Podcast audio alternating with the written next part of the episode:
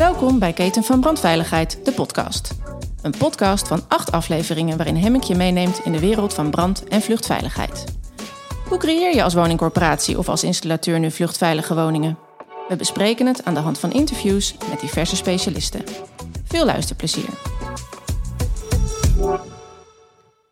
Welkom bij de voor nu laatste aflevering van deze podcastreeks over brandveiligheid en vluchtveiligheid. Brandveiligheid is een groot en complex probleem, bestaat uit veel verschillende elementen, maar op tijd kunnen vluchten is er één van. En volgens ons kun je dat goed organiseren als je langs de keten van brandveiligheid werkt. Tijdens de vorige aflevering hebben we het gehad over het beïnvloeden van het gedrag van bewoners en hoe wij denken dat deze bijdragen om een vluchtveilige woning te creëren. Nou, in de eerste aflevering hebben we het gehad met Richard over de keten van brandveiligheid in het algemeen. Waarom is het zo belangrijk om breder te kijken dan alleen een goede melder? Nou, vandaag is Richard weer aangeschoven en kijken wij, uh, nou gaan we het hebben over het slim inregelen van, uh, van onderhoud en vervanging en monitoring van melders. Ja, Richard, alweer uh, de laatste aflevering, maar wel een belangrijk onderwerp. Zeker, nou dat gaat snel inderdaad. Hè. Leuke, volgens mij, podcast geweest in het verleden. Um, nou ja, nu de laatste inderdaad. Ja, in de tussentijd eigenlijk alle, alle onderdelen van die keten van de veiligheid behandeld. Um, ja, laatste onderdeel, uh, onderhoudsvervanging, denk je dat het uh, wordt onderschat door, uh, corporaties? Door, door... Um, nou, er wordt in ieder, geval wel vragen over gesteld van hoe dat gebeuren moet. Dus in die zin of het echt onderschat wordt. Maar mensen um, vergeten wel eens inderdaad dat het, dat het überhaupt belangrijk is. corporaties merk ik dat die dat graag wel meenemen. Want die zijn er sowieso wel in de flow van um, dat ze inderdaad onderhoud moeten plegen aan allerlei zaken natuurlijk in de woning. Die denken dan wellicht ook wel aan de rookmelder. Alleen um, als je kijkt naar de gebruikers, eindgebruikers, dan wordt het wel onderschat, denk ik. Ja, ja we kennen allemaal wel voorbeelden. Uh, als je eenmaal omhoog kijkt, dan zie je van die vergeelde rookmelders. Um, ja, soms staat er nog zo'n nucleair tekentje op, die wil je helemaal niet meer hebben. Maar ja, en als je dan naar de datum kijkt, uh, een post terug, zelfs nog bij een vriend geweest, uh, daar zag ik inderdaad ook een in hangen waar vervangingsdatum was, geloof ik, 2013. Dus ja, sommigen doen het nog steeds, denk je. Maar ja, wanneer stoppen ze dan? Hè? Dat is de ja. grote vraag natuurlijk. Hè? Als ze nu nog doen, uh, dan heb je geluk. Maar doen ze het morgen ook nog? En uh, ben je daar vannacht veilig? Dat is de vraag natuurlijk. Ja, ja dat is ook een beetje schijnveiligheid, hè? Ja, dat is inderdaad uh, een mooi bruggetje. Dat, dan, dan creëer je inderdaad schijnveiligheid door melders maar te laten hangen. De eerste tien jaar, hè, daar worden ze ook gegarandeerd vanuit de fabriek. En dat gaat ook goed. En dat zal ook inderdaad nog wel ietsjes langer goed blijven gaan. Alleen de grote vraag is altijd, wanneer stopt die melder? En juist om dat uh, tegen te gaan, hè, dat je gaat gokken van, nou, ik kan nog wel even blijven hangen, is er dus inderdaad gezegd, dat is gewoon wettelijk. Na tien jaar moet je die melder vervangen. Ja, ja en wat voor een, um, want onderhoudsvervanging uh, is natuurlijk ook deels beleidskeuze, hoe je dat als corporatie uh, in, in regelt. Hè? Klopt, ja. Um, wat zijn nog meer dingen dat, dat schijnveiligheid kan tegengaan? Dat is in ieder geval een hele goede uh, inzage in waar je melders hebt hangen en welke melders je hebt hangen. En, nou ja, en goed wanneer je ze dus moet vervangen. Dat, dat zei je net zelf al. Um, nou ja, en schijnveiligheid voorkomen kun je natuurlijk ook door uh, goed in controle te zijn. Door te weten welke melders um, snel onderhoud nodig hebben, welke wat langer. En dat kun je inderdaad ook doen door dat gewoon goed vast te leggen. Ja. Ja, natuurlijk zijn er ook slimme features van, uh, van rookmelders. Hè? Absoluut. Ja, melders uh, hadden in het verleden echt best wel vaak onderhoud nodig in de zin van dat ook wel geadviseerd werd om ze twee keer per jaar te stofzuigen. Even een, een stofdoek eromheen. Uh, dat is inderdaad ook weer wat frisser eruit zagen. Um, maar met name voor, voor de binnenkant, hè, dus voor de, voor de rookkamer, om even te stofzuigen. Um, gelukkig zijn inderdaad nu de, want dat doe je volgens mij op, de, de stofcompensatie zijn bedacht is bedacht. En dat houdt dus inderdaad in dat uh, die melder stof ook daadwerkelijk voor stof aanziet. Want dat is het grote probleem bij, bij, stof, bij rookmelders. Dat als er stof in komt, dat hij dat potentieel ziet voor, voor rook en dan inderdaad valse alarmen kan gaan geven. Rookmelders met stofcompensatie, die hebben dat niet. Die, nou ja, wat ik al zei, die zien inderdaad stof daadwerkelijk als stof. Hebben zelfs een mogelijkheid om zichzelf opnieuw te kalibreren, zoals we dat dan noemen. Dus dat wil zeggen, in verschillende stapjes uh, kan die inderdaad het, um, nou ja, het, het, nauwkeurigheidsniveau dan aanpassen op, op de hoeveelheid um, stof die aanwezig is. En uh, dan blijft die melder even betrouwbaar. Alleen dan, um, ja, dan kun je eigenlijk uh, met twee keer stofzuigen in tien jaar zeggen we dan af om, om, om, om, veilig te zijn, om schijnveiligheid dus tegen te gaan. Dus dan, dan ga je in tien jaar tijd twee keer stofzuigen met ja. die stofcompensatiemelders. Ja. ja, precies. En dat is normaal gesproken één keer in, de, in het jaar of zo. Voor, reguliere melders. Reguliere melders, ja, precies wat ik zei. Hè, dat in het verleden inderdaad twee keer per jaar uh, was. Of, uh, of één keer per jaar, wat, wat dan inderdaad in de praktijk misschien nog gebeurde als je geluk had. Beleidskeuze. Klopt. Ja. En ehm, nou ja, met, met, met stofcompensatie is dat dus veel minder. En uh, nou ja, de eerste keer adviseren we dan ongeveer na drie, drieënhalf jaar. De tweede keer dan nou ja, een jaar of zeven, acht. Um, en daarna is het dan vervanging na tien jaar. Ja, en nou, één ding wat natuurlijk ook is meegenomen in die nieuwe wetgeving is, is de zorgplicht. De aanscherping daar eigenlijk van. Klopt. Um, ja, dat, dit onderwerp, onderhoud, vervanging, ja, dat heeft natuurlijk ook heel veel mee te maken. Als je even een, kort uh, hier bij Janneke zou uitleggen, wat, uh, ja, wat, wat, wat is die aanscherping van de zorgplicht?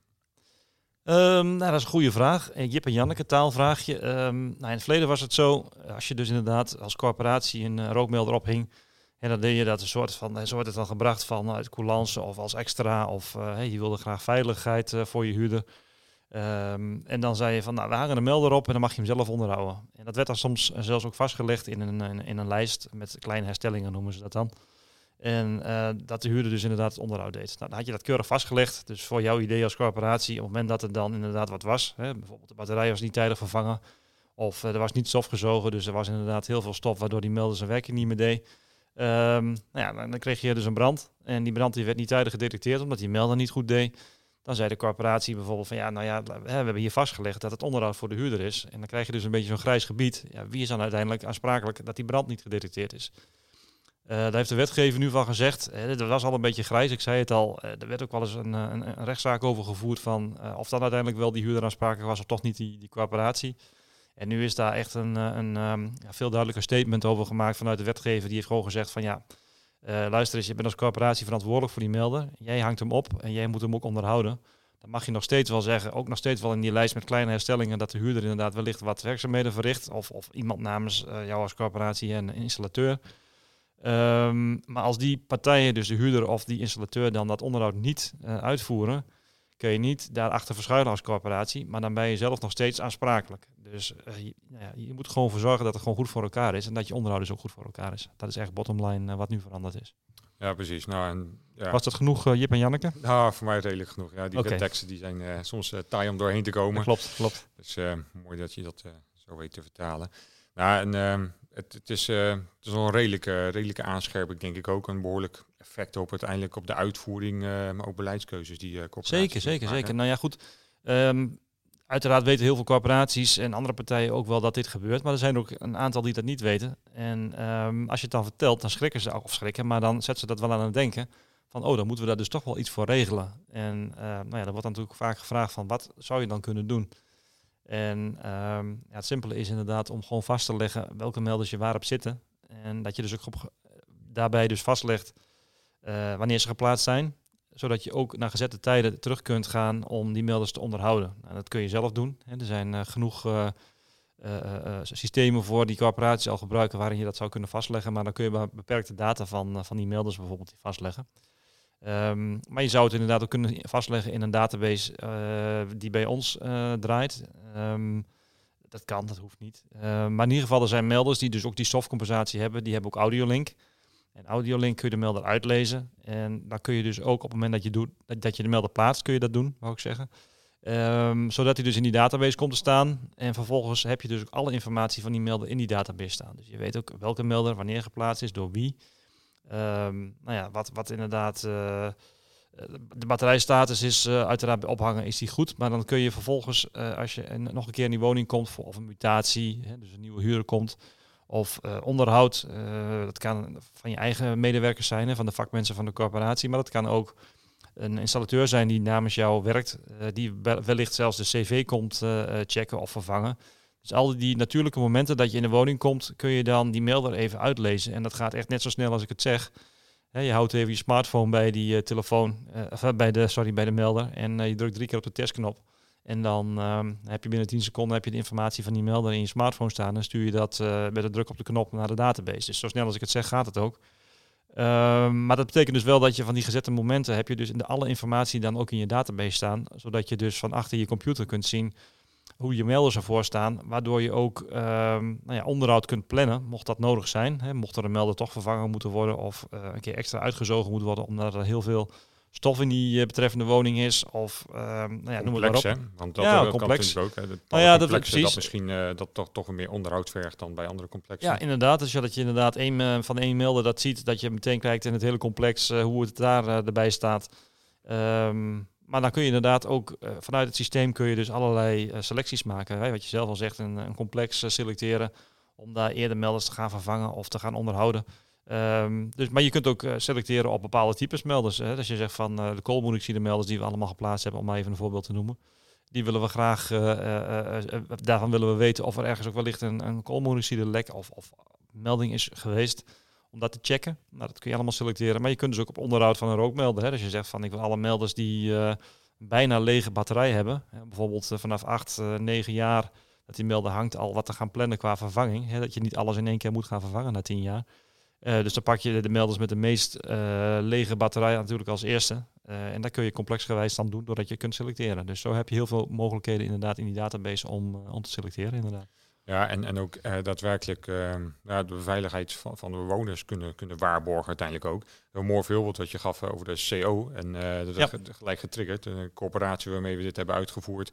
Ja, na een paar honderd melders zagen we al dat uh, to, toch bij een flink aantal, flink aantal, dat geloof ik 14 CO-melders, uh, dat er toch uh, waarden, CO-waarden waren gedetecteerd. Ja. Nou, dat is procentueel behoorlijk wat. En nou goed, CO is sowieso een beetje, ik wil niet zeggen ondergeschoven kindje, maar wel een, ja, een probleem wat niet altijd even duidelijk is en zichtbaar is. Dus ehm, dat toont denk ik ook wel aan dat, dat je met zulke soort tools ook zeker ja, de veiligheid van bewoners kunt verhogen. Absoluut, absoluut. Ja, inderdaad, we gaan wel heel erg snel over databases en over melders. Maar het belangrijkste is natuurlijk inderdaad de veiligheid van de bewoner. En het is inderdaad een middel om uh, veiligheid te creëren. En um, op deze manier kun je die veiligheid een stuk vergroten. En dus inderdaad, uh, zoals we dat dan zelf zo mooi zeggen, ook uh, in de keten van brandveiligheid. De cirkel is er pas rond als aan alle voorwaarden is voldaan, dus ook aan deze. En dat de huurder dan veilig kan slapen. Ja. En dat kan je volgens mij als je ook dit goed ingeregeld hebt. Ja, precies. En, en uiteindelijk ook uh, kunnen aantonen aan, uh, aan andere partijen van kijk, um, het is goed georganiseerd. Op deze moment hebben we onderhoud gepleegd en uh, dit is de actuele stand. Ook dat, zeker. Ja, ja, ja. ja, um, ja, verder nog. Heb je een tip voor de luisteraars als je het hebt over onderhoudvervanging? Ik bedoel, zijn, er nog meer dingen? onderhoudsvervanging, we hebben het over database gehad. Gateway is ook een keer naar voren gekomen. is natuurlijk iets ander onderwerp. Misschien ook vooral geschikt voor misschien de, de echt kwetsbare huurder? Nou, een tip. Kijk, uh, wij hebben bijvoorbeeld ook, en dat is natuurlijk ook al eerder aan, aan bod gekomen, een, een gebruikerskaart. Hè, daar staat inderdaad ook op uh, iets over van um, um, wat de huurder zelf kan doen nog aan onderhoud. Wij adviseren altijd wel, ook al zou je zelf alles inregelen qua onderhoud, om ook wel op die gebruikerskaart aan te geven dat de huurder ook zelf uh, een melder stofzuigt. Ook al gebruik je stofcompensatie en heb je nog maar twee keer in de tien jaar nodig om te stofzuigen het is toch goed uh, als het een keer extra gebeurt of een paar keer extra gebeurt. Dat kan nooit kwaad, laat ik het zo zeggen. Dus ook als regel je het zelf goed in met je installateurs of met je samenwerkingspartners, maar zet het ook gewoon op die gebruikerskaart die je in de medekast kunt achterlaten of in een la of, of waar ook in de keuken. Uh, maar dat je in ieder geval dus dat dubbel goed inregelt, zodat het altijd goed gaat. Nou, dat is één tip. En een andere tip is wellicht ook, um, nou ja, je noemde net zelf al de gateway. Uh, voor eengezinswoningen zou ik het niet direct adviseren, maar dat kan natuurlijk. Maar met name voor wat kwetsbare doelgroepen, studenten, senioren, maar misschien ook wat kwetsbaar bezit. En monumentale panden bijvoorbeeld, zou je inderdaad ook heel goed het onderhoud kunnen laten monitoren. Begeleid wonen. Begeleid wonen, zeker. laten mo monitoren door een gateway. En dan geeft die melder, die geeft dan aan de gateway inderdaad alle informatie door. Hè? Dus ook de status van de melder. Dat gaat echt een behoorlijk een paar keer per minuut zelfs volgens mij, dat hij dat uh, doorgeeft, uh, die, die melder per melder aan de, data, aan de gateway naar de database, sorry. En dan, um, dan heb je die informatie inderdaad real-time. Gebeurt er dan wat, wordt er een melder weggenomen, dan uh, wordt dat ook meteen doorgegeven aan, aan de database. En van daaruit kun je dus of inloggen, dat je ziet dat er inderdaad wat aan de hand is. Maar je kunt ook gewoon pushmeldingen krijgen. Dus op het moment dat dan er wat aan de hand is, dan krijg je ook meteen op je smartphone of via e-mail krijg je een bericht van hey, in dat complex ja, of is een melder in alarm gegaan, of is verwijderd, of heeft inderdaad geen capaciteit meer, geen batterijcapaciteit als dat voor zou komen. Maar dan krijg je al die informatie inderdaad ook heel snel tot je. Ja. Ja, um, goede tip denk ik. Ehm, ja, en dit was voor nu de laatste aflevering in deze podcast-race, waarin wij jullie hebben proberen mee te nemen in hoe je een situatie kunt creëren dat mensen veilig kunnen vluchten als er brand uitbreekt.